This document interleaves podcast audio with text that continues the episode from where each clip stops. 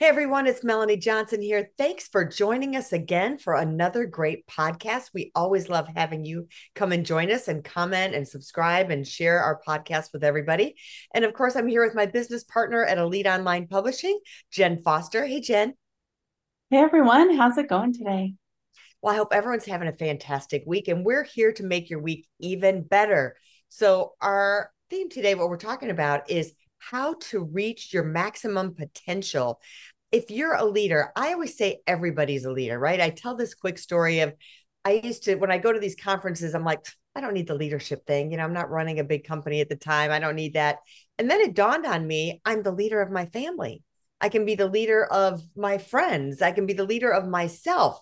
So I think everybody needs to listen to this today. We have Andy Hite with us today, and he is an expert at unleashing your leadership potential and growth. So let's grow together and be awesome leaders today. Thanks, Andy, for joining us.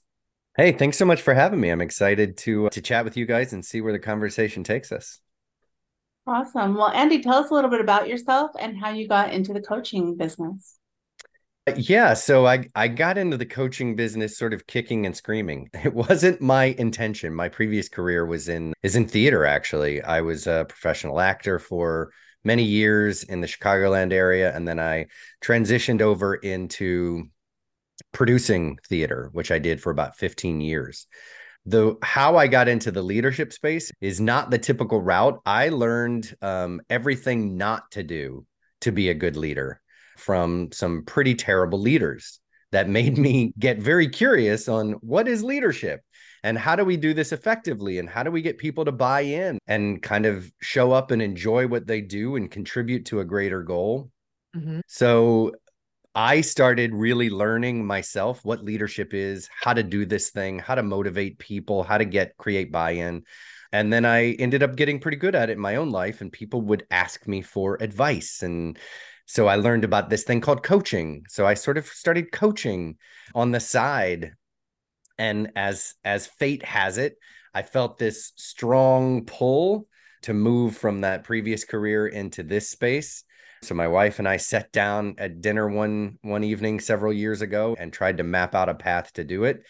And we just jumped off the deep end, hung a shingle, and and here we are about five years later talking to you guys. Awesome.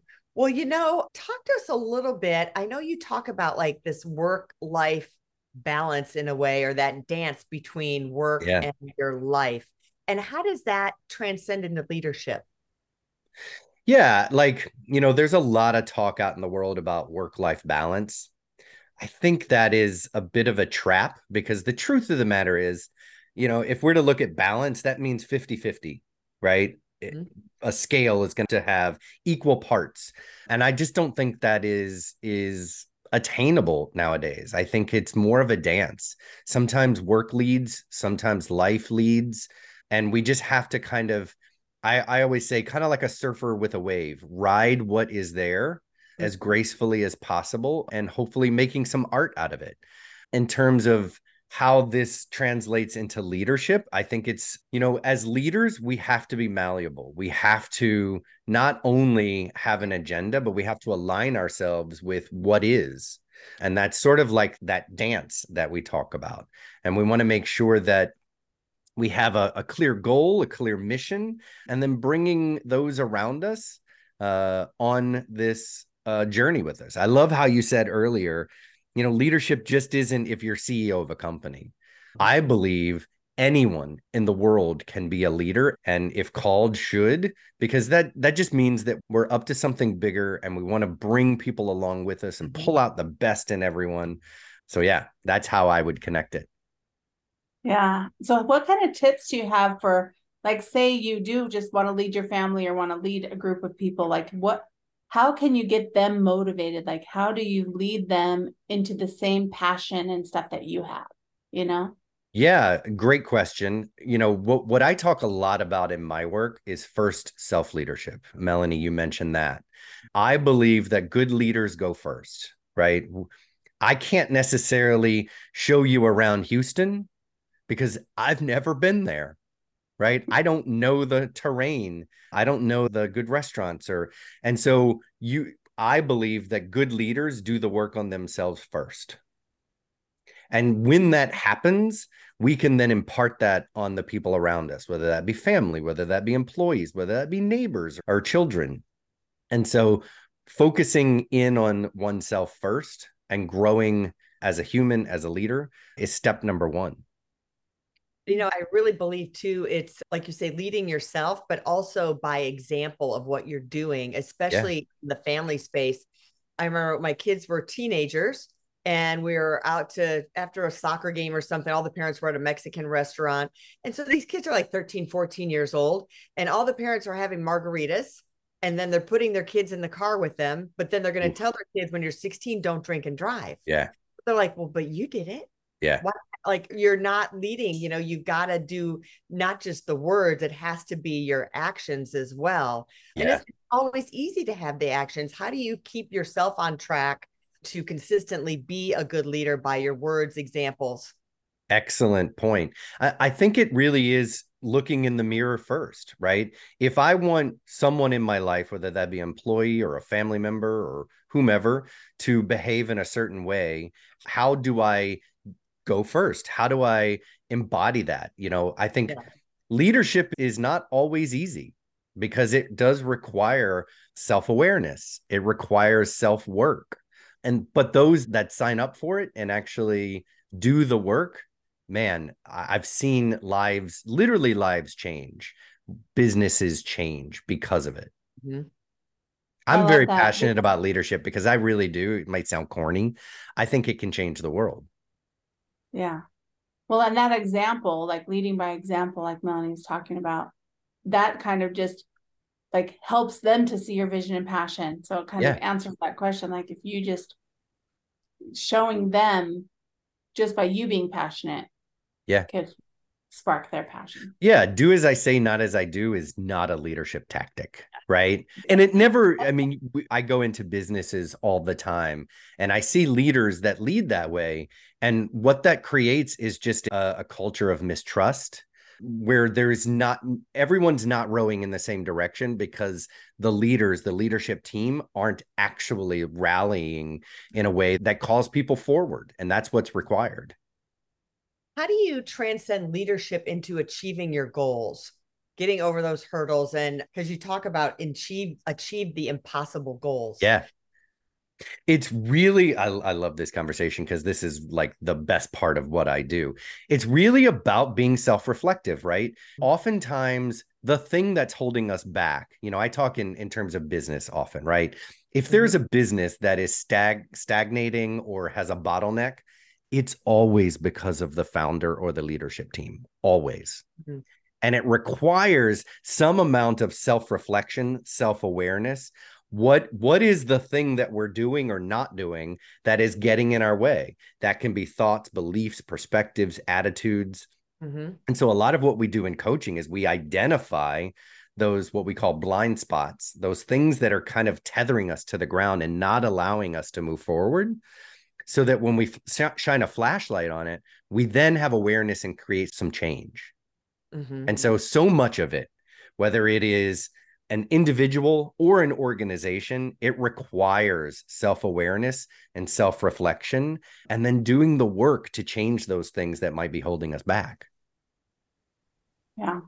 Let's switch a little bit to some time management because I know as a leader, you have to know how to manage your time. Yeah. What do you coach people on, or how? What kind of tips do you give them on time management? Yeah. First off, we kind of look to see what is creating that bottleneck oftentimes what I find with leaders is there's some flavor of perfectionism or controlling nature or hypervigilance, something that is actually creating the overuse of time, right? So, take for example, a perfectionist. If the report has to be perfect or the sales presentation has to be perfect, they're going to spend more time on that than ultimately what is necessary right mm-hmm. and so we have to start to work at that blind spot to say well what is the fear that's creating the perfectionism or the controlling nature and start to loosen the grip of that and then they'll start to appreciate another two five ten hours a week that was being wasted in trying to hyper focus on something that may not need that level of focus, as an example. Mm-hmm. I think that's good advice. We all struggle with, you know, getting away the distractions in our life. Yeah. Uh, you know, the pinging, the texting. And, and this happens to me all the time. I go, I'm going to text somebody something. And then I have three text messages in there. I answer those and I forget that I was even on a mission to do something else when I yeah. picked up the phone. Well, and I'll out myself a little bit. Like I am a slave to this little device. Yeah. And truly, because I've worked on this with my coach a little bit, it's because I'm a little bit of afraid of missing an opportunity or mm-hmm. I'm a bit of a people pleaser, right? Like not responding to someone in the right time frame or and so that is just a bit of a fear or a blind spot within me that mm-hmm. has me fritter away too much time being a slave to this thing. So we all mm-hmm. have a variety of those sort of habits that kind of get in the way of our appropriate mm-hmm. time management.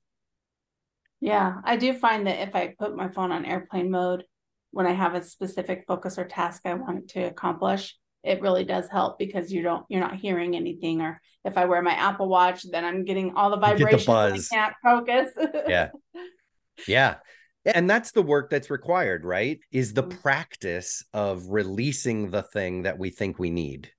And over time, you know, I call this like getting in the gym of life. That's just working out a new muscle. And in time, it'll become a habit. How do you coach people when, I mean, the economy has been so topsy turvy, right? And then the media is fear mongering us. It's coming, the big recession. And so you're like, is it this week? Is it next week? And we live in a time of kind of uncertainty. Mm-hmm. How does or keep themselves motivated or even you know sometimes like i'm talked to my friend yesterday who's in the construction business he's like my business has gone down where i used to get four calls a day i'm getting only four calls a week maybe yeah. so how do you keep your motivation and positivity and still be a great leader during these you know where your business might take a downturn yeah, so I think there's a couple things to unpack there. The first, and I had a conversation with a client last week. She was freaking out because the numbers weren't what they she wanted them to be. And part mm-hmm. of what we had to do is, you know, sometimes we as humans, we are built to protect ourselves. Mm-hmm. And so that draws up so much anxiety because that anxiety motivates us to do something. Um, but the truth of the matter is, oftentimes it's more anxiety producing than it needs to be. So in that case, I said, Hey, friend, let's look at the facts of the matter because sometimes our we can catastrophize or start to worry about things that may happen that probably aren't going to. So let's look at the facts of the matter and through that exercise we realized oh she's got a year and a half runway. She's got so many things that if and she clearly was going through a downturn she could easily weather it you mm-hmm. know and sometimes the reality is oh we are in trouble I have another client that's in that. And what we do is we, again, look at the facts of the matter. Okay, let's put everything on the table and what can we do?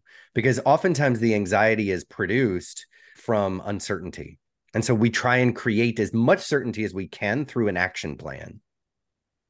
Yeah. It's amazing how action and a plan can give you comfort. Yeah, because then you know what to do. There's nothing that feels worse than kind of sitting there and going, "Ha, I feel trapped," or "I don't know what to do." I mean, that is super anxiety producing. It gives you hope. Now you're like, oh, "Yeah, oh, absolutely." If I do A, B, C, X, Y, and Z, this could get me out of where I am right now. That's right. And, movement always, I think, just like exercise, you know, you always feel better afterwards. Yep. Um, that you're like, at least I'm being proactive. I'm not hiding under the covers when something bad is happening to me. Yeah. This little thing between our ears is really good at creating catastrophes, right? Oh no, we're going to go bankrupt. And oftentimes it will way go past what is actually possible. And mm-hmm. so, really, what we want to do is calm calm ourselves a little bit to look at the facts of the matter and typically when we can get to the facts it's not as bad as we may think mm-hmm. yeah well and i like that when you do have an action plan you have that faith and that belief that hey if this if i take these actions and this is going to happen where before you're just like anxiety and stress and i don't know what's going to yeah. how to fix this yeah, like you said, Melanie, uh, action and a plan create some certainty, which calms the nerves a little bit. Yeah. What would you say to a young student, even, or a parent who has a young student of kind of some skills that they should get along the way while they're going on their journey from high school through college and their first job? What I wish somebody would have told me when I was a 20 year old or 22 year old is give yourself permission to fail. Don't think you have to get it right because you're just wasting so much learning growth opportunity, right? A 22 year old could fail, start businesses and fail multiple times over, hit it in the early 30s and just crush it in life. They have so much time. So don't mm. take it so seriously and give yourself permission to try a bunch of different things. You know, mm-hmm. I'll say Sara Blakely used to say her at the dinner table, her dad wouldn't say, What did you know, what went right today? What did what were your wins? He'd always say, I want How'd you fail? Years. Yeah. How did you fail? And my oldest son, he just he's fearless in that way. He says, Mom, I don't care if I fail. I got an education from it. It might have cost me a few thousand dollars, but I'm just going to go through and I learn. I got an education and all those things I learned will add into the next thing that I do. It's like you're, it's like building blocks. Every yeah. time you fail, it's a more of a building block to take you to where you're eventually supposed to go. Yeah. I love Sara Blakely's story. I use that a lot too because I think it's so smart and it shows in, in some ways how she was able to build a, a business from 5,000 to 5 billion, right? Because it's just getting out there in the arena. And mm-hmm. God love your child for being able at that young age to give himself the freedom to fail. Yeah. You know, we don't learn any lessons from our wins because we know how to do that because we did it. We learn from the stumbles and the the falters and the failures. That's where we mm-hmm. get the most growth and learning. So doing that early and often, man, what a gift. Yeah, I love that. Well, tell people where they can go to find you and get more information. I play around quite a bit on the LinkedIn. Easy to find there. Andy Hite, H I T E. Also have a page that I've created specifically for your listeners. If you go to scalingminds.com slash EEI, that's scalingminds.com, like scaling a business, but your mind.com slash EEI. There's some assessments on there that'll help find people find some clarity, like entrepreneurial fitness assessment, leadership assessment. And anybody that's interested in doing some coaching, I there's a link there. Sign up and let's just do some coaching for free. I, that's what I love to do the most is getting in a one-on-one conversation. All right. I love your URL because the EEI, like it's Elite Expert Insider, right? Yes. The EEI, very sexy. Good job on that. I think that's cool. I caught that right away that you did that. So specific for your audience. Yes. Look at the details. See, it's all about the details and feeling special. That that's also right. makes you a good leader, making other people feel special and included and going that little extra mile. That's right. Um, to be a good you know be a good leader, a good business person that you're making your customers feel special. And people, I think, really respect that and want to do that in the back end. So you're our we're wrapping up. Thanks so much for coming, Andy. And if you, anyone's looking to write a book and become a best-selling author, we do that for all of our authors. We're known for making over 300 authors bestsellers, including Wall Street Journal and USA Today. So just reach out to us at eliteonlinepublishing.com and hit that author submission button. Everyone have a fantastic week, and we'll see you next time. See you next time. Bye bye. Hey, are you looking to increase your revenue, build credibility, and elevate your brand?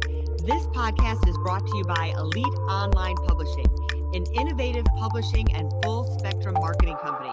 They will publish and market your book to make it a number one bestseller. Becoming an author is the best way to market your business. So contact them at eliteonlinepublishing.com today. All of their authors become number one bestsellers.